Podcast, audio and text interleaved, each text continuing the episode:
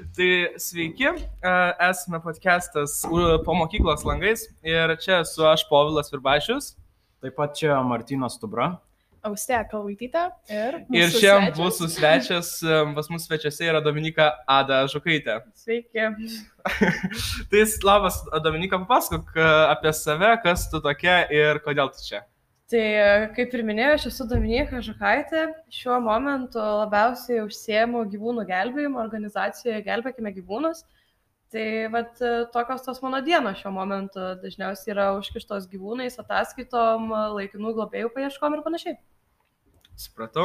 Na, o kokia yra bendra situacija tiek su pačiom veisyklom Lietuvoje, žinome tą didelį, didelį skandalą, ir taip pat kokia yra situacija su šiaip gyvūnų priežiūra, gyvūnų apsauga pas mus Lietuvoje.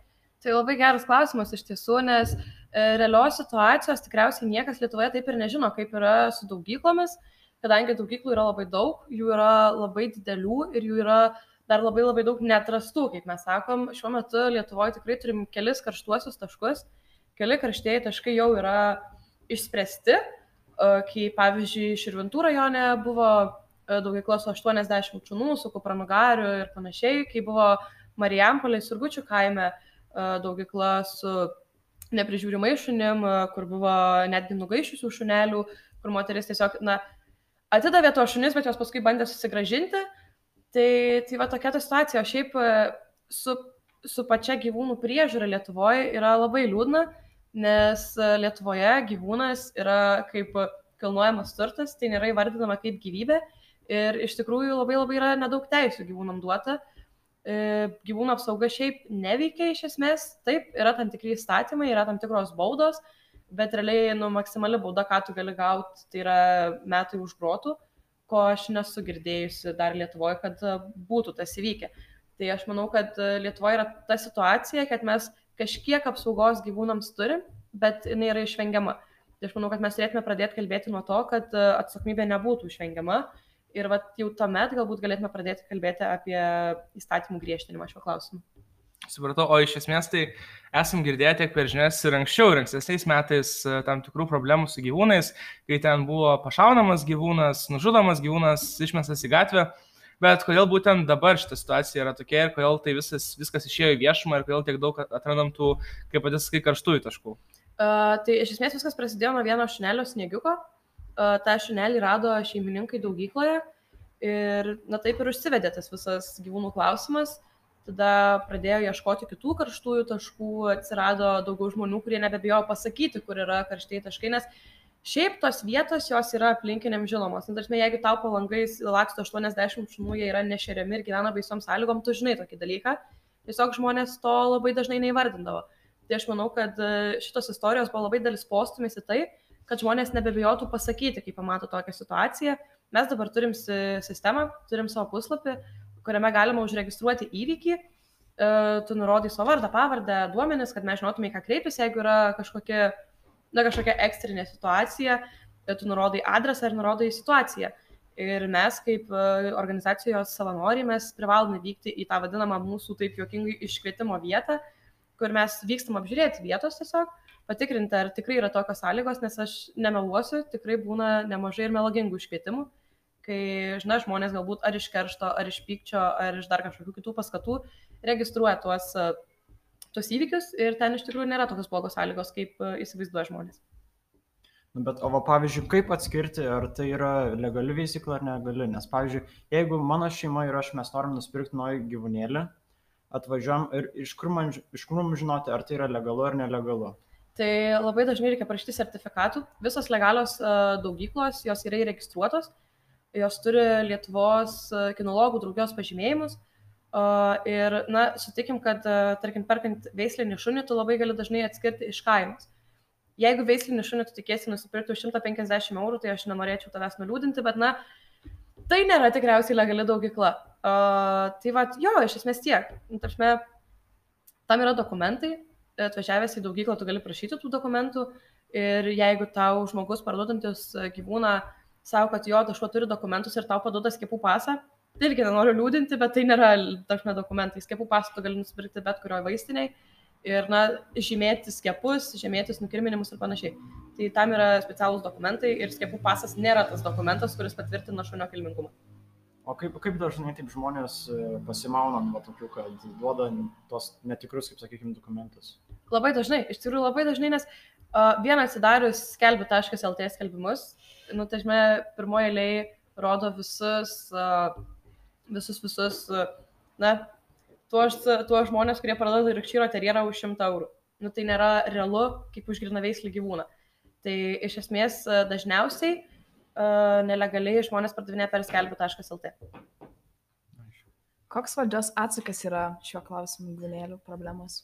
Liūdna, bet valdžios atsako daug neturim. Žinoma, yra tam tikros, na aišku, čia dabar galima kalbėti iš to, kad prieš rinkimus buvo visas šitas dalykas, tai labai daug partijų galėjo iš to kaip pasipelnyti, galbūt taip galima būtų įvardinti ir, na, parodyti, kad kaip mums rūpi gyvūnai, bet iš esmės, kai jie bus išrinkti į valdžią, jie pames šį klausimą.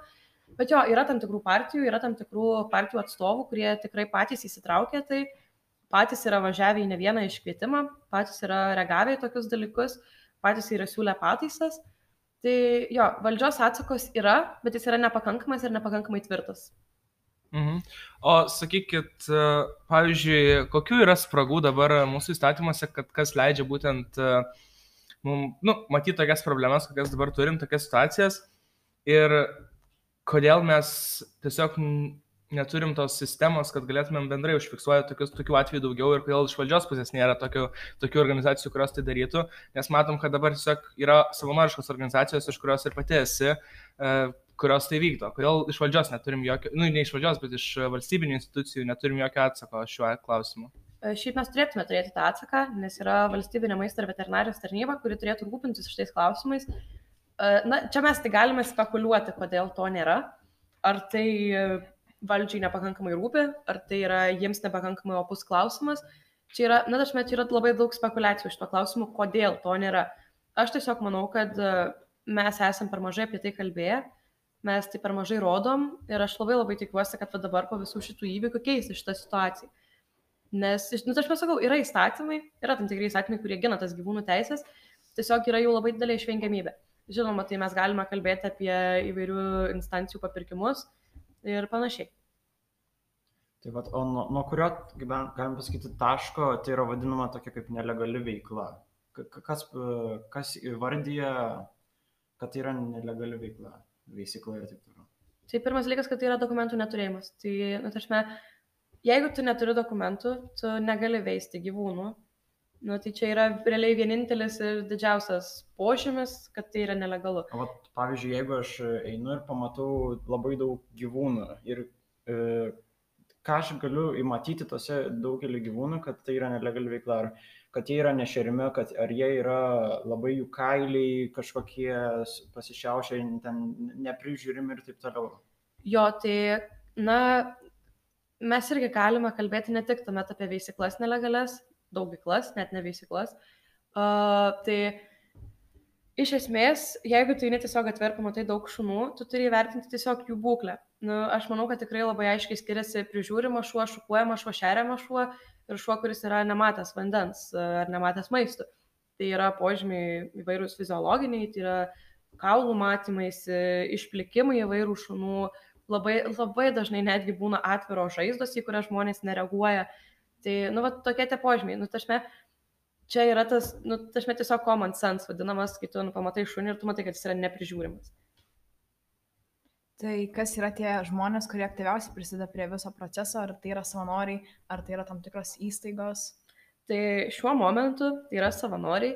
Labai džiaugiamės, kad turim tos pačios Dimantės Gobytės fondą Lietuva gyvūnams, kur galite visi paukoti gyvūnams ir tokiu būdu prisidėti prie mūsų tų savanorio palengvinimo dienų, nes šiaip labai daug ką mes patys savanoriai dengiam iš savo lėšų, tiek važiavimus į, įvairia, į įvairias institucijas, tiek uh, šiaip, kad ir tas pats važiavimas kažkur, mes viską dengiamės iš savo pinigų. Tai realiai dabar aktyviausiai yra savanoriai. Mes labai bandome pritraukti politikus į įvairias, na, įvairius žinomesnius žmonės, kad jie irgi pradėtų tai reaguoti. Bet šiai dienai aktyviausiai reaguoja savanoriai. O iš esmės, žiūrint į savanorius, tai ar tai yra labiau jaunimas ar vyresni žmonės, koks yra tas amžiaus vidurkis? aš kai atėjau į organizaciją, aš kažkaip labai tikėjausi, kad mes būsim visi labai jauni. ir kad e, visi mes būsim mokyklinio amžiaus, studento amžiaus ir panašiai. Tai aš atėjus į organizaciją labai labai nustebau, kad realiai jaunimo yra labai mažai.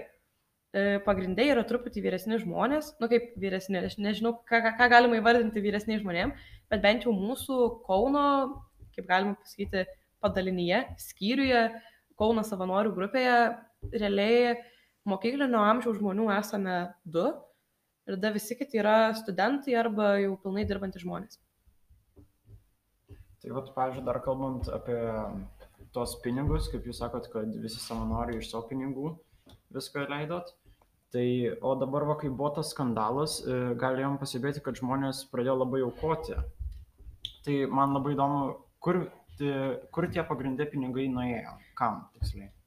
Tai žmonės rinkosi, kam jie galėjo aukoti. Uh, iš esmės, yra, kaip ir pasakojau, yra Deimantės Gobytas fondas Lietuva gyvūnams. Tai šiaip galit matyti to pačio fondo tiek Facebook, tiek Instagram paskyrose, kiek pinigų kokiai prieglaudai yra pervedama. Bet iki tol žmonės aukojo į pačių prieglaudų sąskaitas. Tai, na, aš labai norėčiau tikėti, kad tie pinigai, kurie yra paukoti būtent kažkuriai tiesioginiai prieglaudai, jie vis ir nueina prieglaudos darbui. O šiaip mes patys, pavyzdžiui, savo mokykla ir kitos Kauno mokyklos, jos e, rinko maistą, rinko įvairius daiktus, kurių labiausiai reikėjo prieglaudoms ir mes patys vežėme prieglaudas, mes patys uh, žiūrėjome prieglaudas, kurioms labiausiai reikia tam tikrų dalykų, mes patys skambinomės į prieglaudas ir klausėme, ar jums labiau reikia maisto, ar jums labiau reikia palučių, ar jums labiau reikia pavadėlio ar dar kažko. Tai pagal tai mes bandėme išsiskirsti tą paramą, kam labiausiai jo šiuo momentu reikia nes paėmus iš tų karštų taškų šunis, tikrai ne visos prieglaudos turėjo galimybės priimti tuos šunis. E, Kaune vienos prieglaudos paėmė po keturis, kitos paėmė po 20, kitos po 30 ir, nu, tiesiog mes tengiamės aukoti tom prieglaudom, kurios labiausiai tuo momentu buvo to tokioje vadinamoje duobėje ir kurios staigiai atvykus 20 šunų, šunų turėjo greičiausiai susitvarkyti tos dalykus. Tai jo, paramos neina tiesiai, tiesiai į, į, į, į gyvūnų klausimą, kaip galima sakyti. O dar žvelgiant į, į tas e, daugyklas ir veisyklas, tai kodėl uh, tiem veisėjam, nu ne veisėjam, daugintojam uh, neapsimoka turėti to, tos licenzijos, to pažymėjimo iš kinologų asociacijos, kodėl jie būtent renkasi tą nelegalią veiklą. Ar tai yra labai brangu, ar, ar kame yra problema? Jo, tai yra brangu. Turėti veisyklą yra labai labai brangu. Ir, na, tu turi mokėti, nepamirškime, kad mokesčius valstybiniai mokesčių inspekcijai nuo kiekvieno to šnelio parduoto. Tai yra viskas sukasi apie pinigus. Nes, na, kaip ir viena vat, moteris, kuri turi veislyną, pasako, sako, jeigu tu turi veislyną, tai tu realiai vien tik iš veislyno tu nu, nepragyvensi. Tai yra labiau daugiau toks tiesiog šunų veisimas kitų žmonių malonumui, grina veislių šunų. Ir nu, tai nėra kažkoks labai pelningas verslas, jeigu tu turi vieną ar dvi vadas nes nepamirškim, kad tiem šuniukam kainuoja skiepai, nukirminimai ir visi kiti dalykai. Tai jo, iš esmės viskas atsiriamė į pinigus. E, minėjai, kad esi organizacija. Kokia yra tai organizacija ir kaip mes galime prie jos prisidėti ir padėti gelbėti gyvūnus? Jo, tai mūsų organizacija yra Gelbėkime gyvūnus. E, na, šiuo metu tai yra ne organizacija, tai yra VŠI. Ir įsivedus į Google paiešką Gelbėkime gyvūnus galima rasti anketą savanorio, ir dabartiniai savanoriai su žmogum susisieks, pasikalbės ir tikrai priimsim į savo gretas visus absoliučiai norinčius, kurie tik tai norės prisidėti prie gyvūnų klausimų. Gal yra apytikslis skaičius, kiek buvo tų nelegalių veisyklų ir kiek gal šuniukų išgelbėt? E, gaila, bet tokios statistikos aš negaliu pateikti, nes kadangi aš pati veikiu labiau Kauno, Kauno apskrityje, žinoma, Kauno apskritis apima tiek Jonavą, tiek už Kauno visus, visus regionus esančius, na, ne visus, bet daugumą. Tai iš esmės kažkokios tokios realios statistikos nėra. Mes galim tik tai bandyti skaičiuoti, kiek tų vietų buvo, kiek nebuvo, nes, kaip ir minėjau, yra, yra pavyzdžiui, melagingi iškvietimai, tai ar mes turėtume priskaičiuoti tą vietą kaip, na, prie kažkokios patikrintos vietos ar ne. Tai iš esmės tikslių skaičių nėra, bet jų yra tikrai daug. Dar vas, kalbant apie tas labdaras, ar buvo tokių žmonių, kurie pasinaudojo tą situaciją sukūrė netikrą labdarą ir pasisavino tos visus pinigus kaip savo. Man neteko matyti tokio atveju, aš, aš nežinau, aš galbūt ir yra, aš manau, kad šitam pasaulyje tikrai yra ne tik gerų žmonių, bet e, man asmeniškai neteko su tokiu žmogumi ir su tokia situacija susidurti. Gal dėl to, nes aš pati labai tikiu tą visą idėją ir mane supa tiesiog tokie žmonės, kurie lygiai taip pat tiki tą idėją ir jie neieško savo pelno ar savo naudos, jie labiau ieško naudos gyvūnam. Bet jo, aš, aš manau, kad galbūt yra, bet man neteko su tuo susidurti. O minėjai apie statistiką, kad nu, nega, neturim aiškaus skaičiaus, kiek buvo išgelbėta galbūt šunų, neturim aiškaus skaičiaus e, tų e, daugyklų, bet iš esmės, kur yra didžiausia koncentracija to, to, tos didžiausios problemos, tų apių vietų, ar taip galbūt yra Kaunas, Vilnius, didesni miestai, ar tai yra labiau ka, kaimų vietovės? Irgi yra labai sunku įvardinti šitą dalyką, nes, na, pačiam centre, Kaune, na, tu fiziškai tu negali realiai įgyvendinti tos pačios daugyklos idėjos, nes tai yra pakankamai sunku, nes jeigu tu turi daug šunų, tai juos visi nelegaliai vis tiek kažkas domėsis tavo veikla, domėsis kaimynai galų gale, domėsis šiaip praeinantys žmonės ir panašiai. Tai iš mūsų praktikos yra matoma, kad labiau yra už miestų tokie dalykai yra. Tai lygiai taip pat kaip ir Širvintų rajone buvo, lygiai taip pat kaip ir Jonavos rajone buvo šitie dalykai. E, Marijampolė irgi, nu, galima sakyti, Marijampolės miestas, bet kaime Marijampolės visi šitie dalykai vyko. Tai jo, realiai tendencija yra tokia, kad labiau yra kaimo vietovėse dalyko, tokie dalykai, nes tai yra lengviau. Tai yra vis tiek nusivi namai, nusivi sklypai, galbūt vienkiamiai. Tai... O galbūt uh, turiu kokių nors įdomesnių istorijų, kokių atvejų yra buvę, gal pačiai, su kuo teko susidurti? Net nežinau, šiaip įvairių yra situacijų buvę, visokių. Uh, įdomi, aš než, nežinau, kaip, kaip ką galima įvardinti įdomesnę situaciją, nes kiekviena ta situacija mums yra kraupi, mums yra baisi ir mums spaudžia širdį.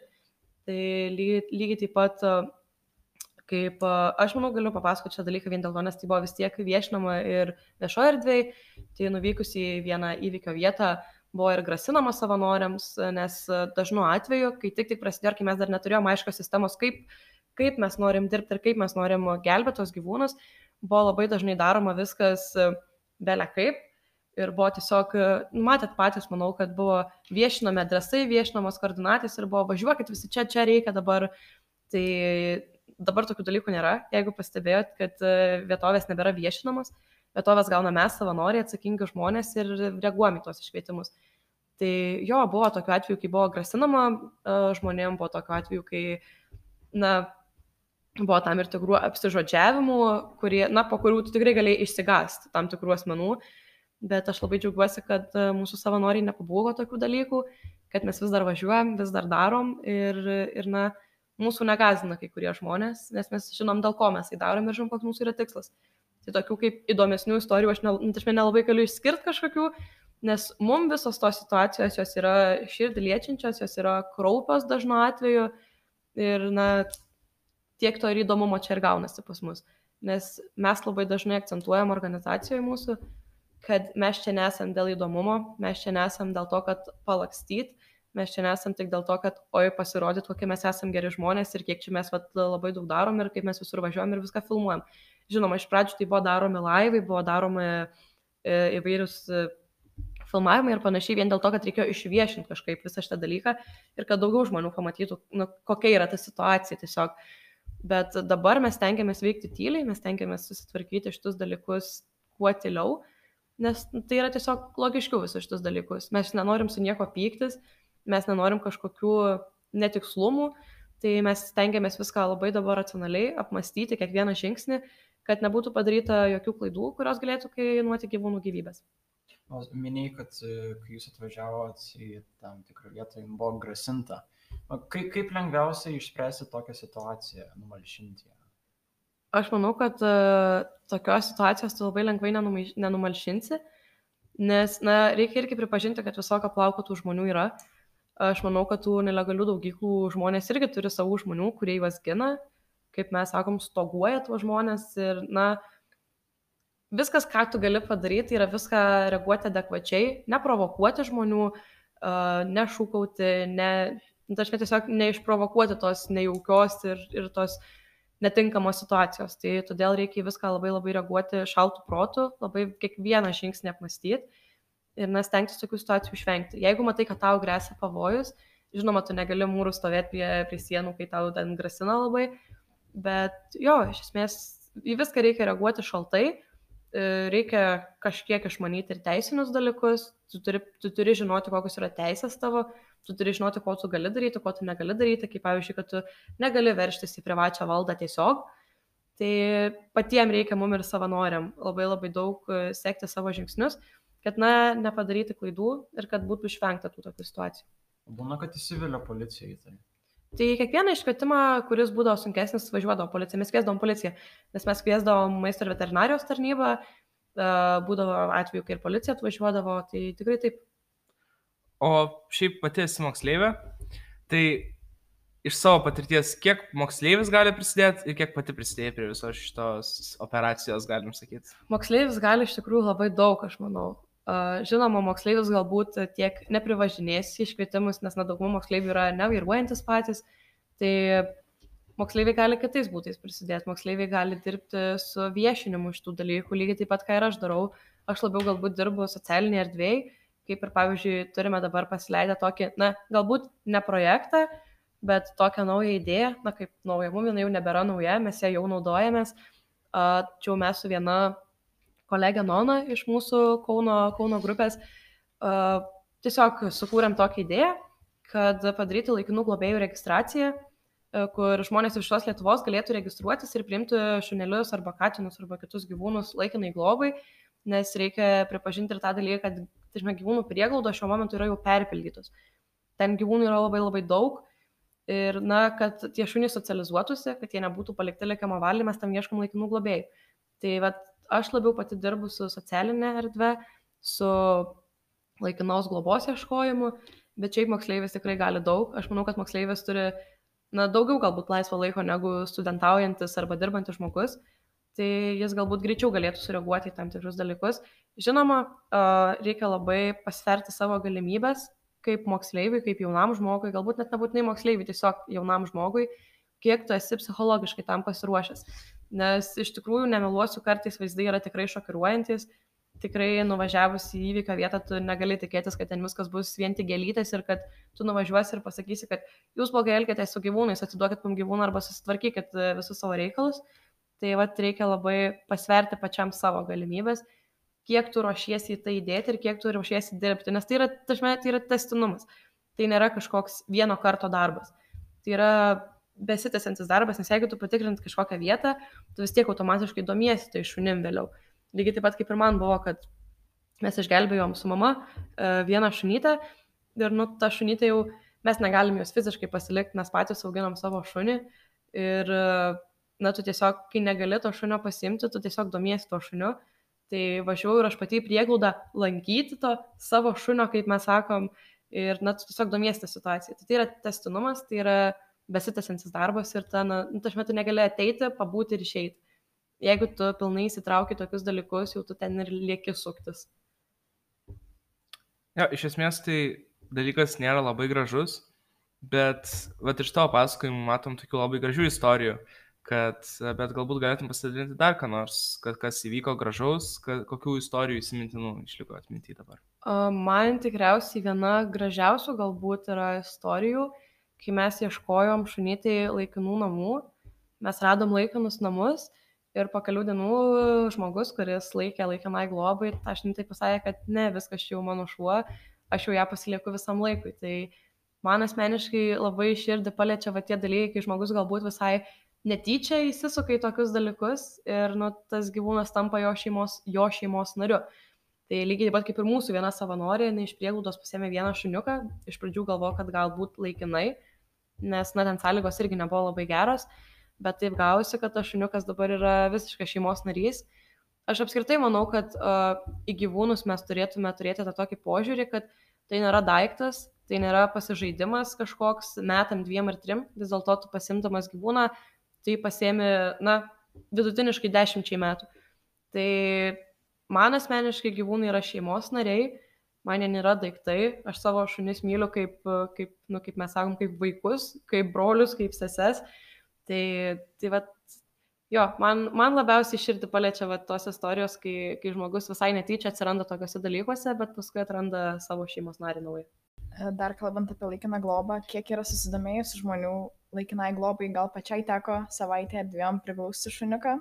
Jo, man neteko turėti ilgai laikinai globų iš šunelio, bet e, šiaip, ne, nu nežinau, ar galima tai vardinti daug ar mažai. Aš manau, kad kiekvienas pagal savo galimybės šitą dalyką žiūri, bet šiai dienai laikin, laikinai globai užsiregistravusių turime apie 80-90 žmonių kažkur. Tai aišku, pagrindiniai miestai yra Kaunas, Klaipeda, Vilnius, bet yra ir tikrai labai labai nemažai žmonių, kurie yra iš rajonų. Tai, tai jo, šiai dienai turime apie 80 žmonių, bandysim, kad jų būtų daug daugiau, bandysim didinti ir savo pajėgumus socialinėje erdvėje. Tai, tai jo, turim dabar, na, galim sakyti, kad apie šimtą, nes yra draugų draugai, kurie galbūt nesiregistravo, bet paima laikinai globai šunelius ir panašiai, tai vidutiniškai apie šimtą žmonių šiai dienai. O dar kalbant apie tos pačius iškvietimus, buvo tokia situacija, kad jūs tikrai žinot, kad e, toj vietoje yra nelegali veisykla, ne, ne, ne, nelegali daugykla, kaip galima pasakyti. Jums ten atsintė nuotraukas, jūs tikrai matėt, jūs atvažiavot ir nieko nebuvo. Ne, žinokit, lyg ir, kad kažkaip tokių vietų galbūt nelabai yra mes e, esam turėję tokį, tokį vieną variantą, kad mums buvo pranešta, kad yra labai labai daug šunų lakstančių ir kad jie yra neprižiūrimi. Ir mes nuvažiavome, man atrodo, čia buvo Jurbarko galbūt rajone, man atrodo, jeigu neklystu. Tai nuvažiavo mūsų savanoriai į tą vietą, sako, per kaimą yra trys šunys. Tai paskui pabendravo su viena vietinė mergina, sako, jo, čia buvo kažkada daug šunų su močiute, bet nei šunų, nei močiutės nebėra. Tai bet kad kažkokių tokių labai drastiškų situacijų bent mano keliai nepasitaikė, galbūt kitų savanorių, galbūt kitose apskrityse galbūt ir buvo, bet kalbant apie Kauną, kaip ir ne. Na, o dabar išeiname į trumpą pertraukėlę.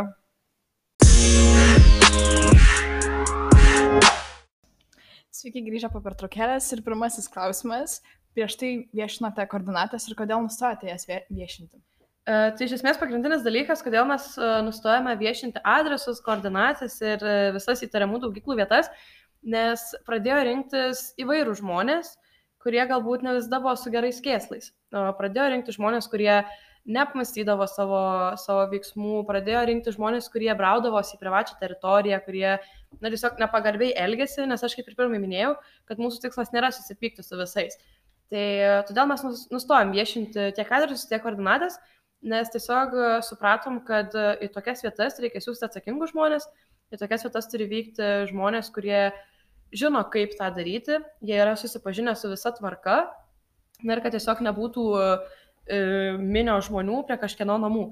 Nes iš tikrųjų yra buvę atvejų, kai na, tiesiog nuvažiuoja žmonės prie nuosavo namo, tų žmonių yra apie 60, ten yra visiška sumaištis, kas reikia, kas pyksta, kas vos nebraunasi į privačią valdą o vėliau pasirodo, kad ten jokios daugyklos nebuvo, ten žmogus tiesiog keli šunis laiko. Nu ir jie loja dėl to, nes jie yra, taršime, paleisti kieme. Tai, tai va, dėl šitų priežasčių, dėl to, kad yra lengviau susitvarkyti, mes tada turim atsekamumą, kas tiksliai buvo, kas, kas ką padarė, kas ko nepadarė ir panašiai. Tai dėl to nustojom, nustojom viešinti šitus dalykus. O nekyla tokių baimių, kad atsiras tarp jūsų savanorių to būrio tokių žmonių, kurie patys yra tie daugintojai ir tiesiog išduos tą informaciją, kur važiuosit, kad paslėpti ar kažkas tokio. Jo, yra, yra visada, vis, visada labai atsargiai kiekvieną žmogų žiūrim. Mes, aišku, mes nesam kažkokie išrinktieji čia, kad vat, mes čia galim, o tu negali, bet mes tikrai kiekvieną naują organizacijos žmogų žiūrim labai atsargiai, mes bandom susipažinti su juo, su jo aplinka, pasidomėti tuo žmogumi, kad, na, tiesiog į mūsų, į mūsų, kad iš gerų norų e, nekiltų kažkokių nesusipratimų. Tai taip, e, yra baime, nu, galbūt ne baime, bet yra tas toks, kad, na, o, o galbūt.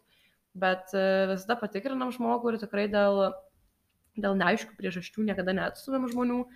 Tai viską, kaip ir minėjau, darome protingai ir apgalvotai. Daug kalbėjai, kokie tie žmonės yra, kurie prisideda prie jūsų veiklos, bet uh, kokias savybės turi turėti savanoris, kad galėtų prisidėti? Aš manau, pagrindinė savybė tai yra labai labai šalti nervai. Tu negali rodyti savo emocijų, nuvažiavus į įvykio vietą. Taip, aš suprantu, yra tikrai labai sunku susilaikyti, pamačius nuskriaustus šunelius, bet tu turi į viską reaguoti labai labai šaltai. Tai jo, šaltas protas, manyčiau, drąsa, žinoma, drąsos reikia, nes net tu, tu bijodamas tu nieko nepadarysi to vietoje ir galbūt pastovus domėjimasis šita, šita situacija, nes situacija keičiasi kas valandą, kas minutę ir, nu, tašme, labai labai, pažinoma, priklauso nuo situacijos, bet labai daug įvykių keičiasi labai greitai, kur tik tą kartą net gali nespėti susekti. Tai tu turi, turi tikrai nuoširdžiai tuo domėtis ir tuo gyventi, galbūt netgi taip pasakyčiau. Nežinau, realiai daugiau kas, kas drąsa, šaltas protas, pastovus domėjimasis ir žinoma, na, galbūt ta tikra meilė gyvūnam ir kad tai nedaryt viską dėl gyvūnų, o ne dėl savęs. O ar esa, yra tokia situacija, kad esat pašalinę savanorių, kuris nu, netokius net, net tokius veiksmus padarė? Pavyzdžiui, ar ten, kaip sakėt, kad uh, pranešė toms nelegalioms daugykloms, kad atvažiuoja, atvažiuojat jūs ir jie pasišalina iš tos vietos. Ar ir esat už tokius veiksmus pašalinę savanorių? E, ne, realiai, bent jau kaune tai tikrai ne. E, vien dėl to, nes na, šit, šitas visas organizacijos modelis, jisai yra kuriamas ir jis veikia dar gana neilgai. Mes kaip organizacijos savanoriai esame apie du galbūt mėnesius, tai dar tokio įvykio neteko, neteko, nu, neteko padaryti. Tai kol kas mūsų Kauno bent jau apskrityje tikrai žmonės yra nuostabus ir tikrai, tikrai labai labai faini ir šilti. Tai ta jūsų savanorių sąjunga e, įsikūrė po to visą skandalą, kaip supratau, jeigu sako, du mėnesiai. Jo, mes pradėjom kaip organizacija kurti, kurti tuo momentu, nes, na, reikia pripažinti, kad pavieniais, pašme, pavieniai žmonės jie nieko daug nepadarys. Daug stipriau yra turėti organizaciją su įstatai, su, su sutartim įvairiom ir panašiai. Nes, na, kaip ir pats minėjai, kad galbūt ne visi žmonės gali būti su gerais kėslais, Tai kad sutartys ir apibrieštų, ką tu gali daryti, ko tu negali daryti ir kad tave kaip žmogų įvykus kažkokiam įvykiui palaikytų organizacija. E, kada pati prisidėjai prie organizacijos ir kodėl? Tai, na, čia tokia galbūt trumpa, netrumpa istorija. Aš šiaip gyvūnus visą laiką labai mylėjau ir visą laiką labai kovojau už tus dalykus. Man kai Facebook'o memories metą, ten pavyzdžiui, prieš penkis metus dalinausi ten visokiais irgi prieglaudų skelbimais ir panašiai. Tai aš niekada nebuvau tas žmogus, kur, kuriam cinktelėjo tiesiog, kad, o, o gal dabar reikia padaryti kažką. Tai aš labai nusekliai domėjausi šitų dalykų, tai kaip ir dauguma galbūt žmonių pradėjau domėtis, kai visokiose Facebook'o grupėse atsirado įvair, įvairios nuotraukos su gyvūnais, įvairūs laivai ir panašiai. Tai atėjau į grupės, kur žmonės rinkosi, būrėsi tam, kad daryti, tam, kad dirbti, kad būtų viskas geriau. Ir kažkaip net nebuvo tokio momento, kad, nu, va, aš atėjau organizacijai. Viskas gausi labai natūraliai, mes atsirinkom Kauno vadovą ir, na, tiesiog vėliau ta grupė tapo, tapo savanoriai susitartim. O vat, lyginant Lietuvą ir kitas Europos šalis, tai ar mūsų situacija yra bloga, jinai gera, ar ten ne, ar kažkas tokio? Uh, šiaip jo yra, yra įvairiai visose šalyse, šiaip apie kitas šalis aš nelabai domėjausi, bet e, kiek girdėjau iš kitų savanorių, kurie domisi tikrai to dalyku, tai kad e, po to, kai Lietuvoje atsirado šitie dalykai, kitos Europos šalis irgi pradėjo judinti pas save šitus klausimus, tai labai džiugu, kad ne tik Lietuvoje vyksta šitie dalykai ir kad ne tik lietuviai yra dabar sukėlę šio klausimu. Tai, tai va šitas dalykas, jo, kitose šalyse tikrai yra daug stipresnė gyvūnų apsauga, baudos yra neišvengiamos, bausmės yra taip pat neišvengiamos ir jos yra daug, daug, daug didesnės. Tai aš labai tikiuosi, kad kuriant įstatymų pataisas bus atsižvelgta į, į geruosius pavyzdžius, kas yra galbūt užsienyje ir panašiai. Ar ši savanorystė pakeitė tavo gyvenimą, o jeigu taip, tai kaip? O tik, tikrai labai pakeitė iš tikrųjų. Aš pamačiau, kokia yra reali situacija su tom daugyklom Lietuvoje. Čia yra pirmas dalykas, nes aš žinau, kad tokia situacija yra, bet aš tikrai negalvojau, kad jinai yra tokia baisi ir tokio didelio masto. Nes, na, nu, aš manau, kad mes visi žinom, kad, na, nelegaliai yra veisiami šunys, pardavinėjami skelbiu.lt už pigiau ir panašiai, bet kokia realiai yra to žala, aš niekada taip ir nesuvokiu. Tai vad man šita savanorystė parodė iš tikrųjų, ko, kokia yra svarba šitų dalykų. Ir, ir nežinau, galbūt, galbūt pakeitė mane šiek tiek kaip žmogų, nes, pavyzdžiui, anksčiau, vat, kas yra su manim keliavę ir į gyvūnų prieglaudas ir panašiai, tai aš aš beveik kiekvieną kartą verkdavau, nes man tiesiog būdavo labai labai gaila tų šnelių, kurie yra gyvūnų prieglauduose. Nu, kas šiaip gyvūnų prieglaudo jau nėra labai blogos sąlygos, palyginus dar su, su veisyklom, nu, su veisyklom, su daugyklom.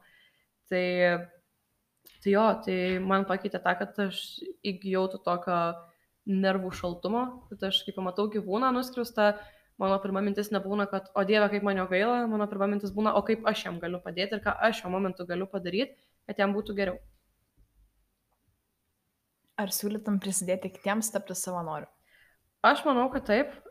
Visiems, kurie, kaip ir kalbėjom apie tas savanorio savybės, tai visiems, kurie turi šias savybės, aš tikrai labai siūlyčiau ir labai kvieščiau prie to prisidėti, nes, na, aš manau, kad tai yra svarbu. Aš manau, kad mes pagaliau turėtume pradėti žiūrėti ne tik į save, bet ir į kitus, nes gyvūnai negali kalbėti, mes jiems turim padėti, mes turim būti jų balsas. Tai visus absoliučiai tikrai, tikrai kvieščiau prisidėti ir būti šio pokyčio dalimi nes na, tai, tai yra svarbu, tai yra opi problema ir mes pagaliau, manau, turime spręsti tą dalyką.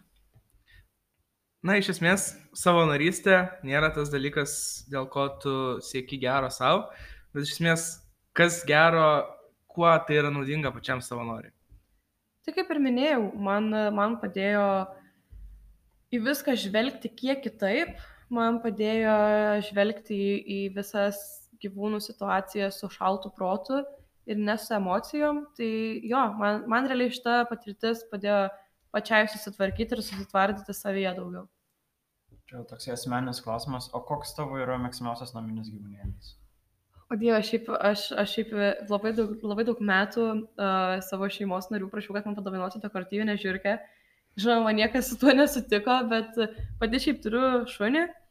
Tai, tai jo, tai, nu, aš pagal tai, ką aš darau, tai tikriausiai turėtų būti šuo, bet šiaip man labai labai įdomu egzotiniai įvairius gyvūnai, įvairios vat, pelės, žiūrkės, vorai, gyvatės ir panašiai. Ar norėtum turėti gyvatę? Labai norėčiau, iš tikrųjų labai tikrai norėčiau turėti gyvatę, bet na, žinau, kad tiesiog galimybė šiuo momentu to neleidžia, bet galbūt ateityje kada nors norėčiau tikrai.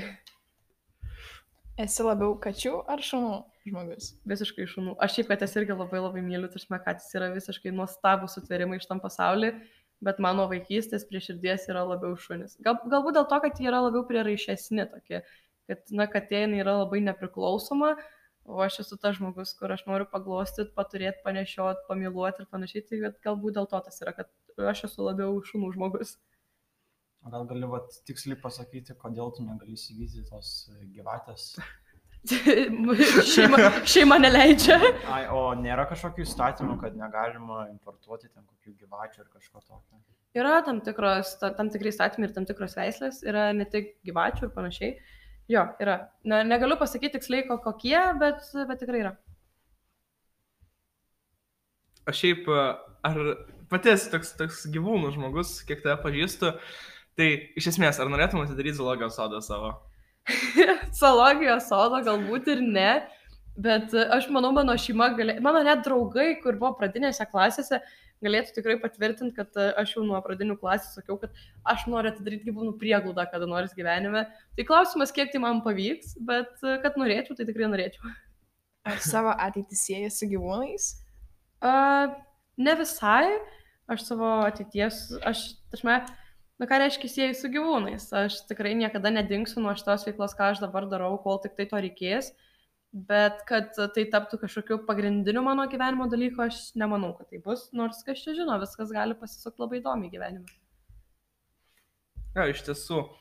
O šiaip e, yra buvo tokių atvejų, galbūt kaip buvai mažesnė, e, kad bijoji šuns, e, ar, ar visą laiką buvai tas gyvūnų žmogus, kur visada eidavai, čiupinėdavai, glosydavai Aš niekada nebijodavau šunų. Nu, čia irgi galbūt mano vaikystės draugų irgi reiktų prašyti patvirtinimo šio klausimu, bet aš nežinau, ar jūs taip darydavot vaikystėje, kad pavyzdžiui eina žmogus su šuniu ir tu prieini ir klausi, ar čia jūsų šuo, ar čia galima paglostyti. Tai va aš buvau tas, tas vaikas e, šeimoje ir tas vaikas draugų grupėje, kur aš eidavau prie nepažįstamų žmonių ir būdavau tokia, ar galima paglostyti, ar, ar galima, ar čia jūsų šuo.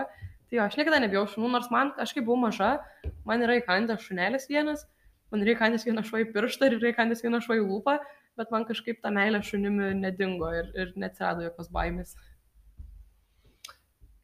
Iš tiesų. Tai ačiū tau labai, Dominika, už tai, kad šiandien atvykai. Tai galbūt dar kartą paskutinį pakartok, kaip galima prisidėti prie jūsų veiklos, kaip galima prisidėti prie gyvūnų gelbėjimo. E, tai iš esmės prie mūsų veiklos galima prisidėti atsidarius puslapį gelbėkime gyvūnus.lt ten yra visa pagrindinė informacija, kur galima skirti tiek piniginę paramą, tiek kaip prisidėti prie savanoriavimo. Šiaip galima puslapį rasti labai naudingos informacijos, tai labai kviečiu užėti tą puslapį, e, pasieškoti informacijos, kuri yra naudinga kiekvienam. Aš tikrai pilnai suprantu, kad ne kiekvienas žmogus galbūt gali prisidėti finansiškai, e, bet jis gali tapti savanoriu arba atvirkščiai. Tai jo, tik kviečiu visus apsilankyti tame puslapyje ir tikrai rasti tau naudingos informacijos. Aš tau, Dominika, labai už tai, kad buvai ir linkime toliau ger, geros tau kelionės ir gerą darbą dirbant su gyvūnais, gelbint juos ir tikime, kad tai yra labai nuostabus tikslas ir tikime, kad viskas susitvarkys ir tai yra tik į gerą pokytį. Labai ačiū Jums, kad pakvietėt, labai faina, kad jauni žmonės irgi domisi tokiais dalykais.